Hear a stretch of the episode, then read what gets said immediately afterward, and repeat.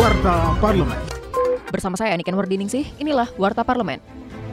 Terkait wacana kenaikan iuran BPJS Kesehatan pada tahun 2025, anggota Komisi 9 DPR RI, Rahmat Handoyo, mengatakan saat ini fokus utama bukan soal iuran, namun peningkatan pelayanan kesehatan harus menjadi prioritas. Rahmat berharap tidak ada lagi rumah sakit mitra BPJS Kesehatan yang menolak memberikan pelayanan bagi peserta. Ia meminta BPJS Kesehatan memberi sanksi tegas jika ada rumah sakit yang melanggar agar tercipta transformasi pelayanan kesehatan yang baik bagi setiap pasien BPJS Kesehatan. Warta Parlemen.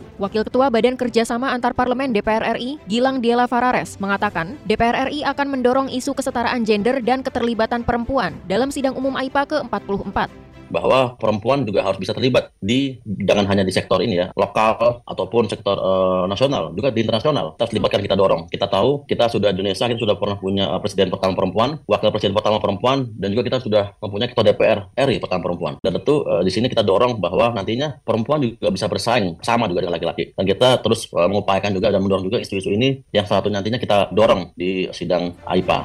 Informasi selengkapnya kunjungi laman dpr.go.id.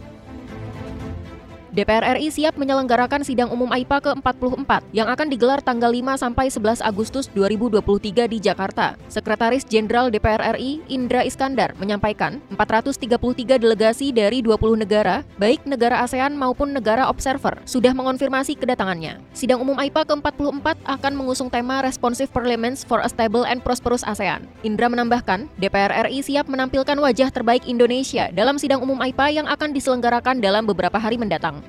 Televisi Radio Parlemen. Demikian Warta Parlemen, Produksi Televisi dan Radio Parlemen, Biro Pemberitaan Parlemen, Setjen DPR RI.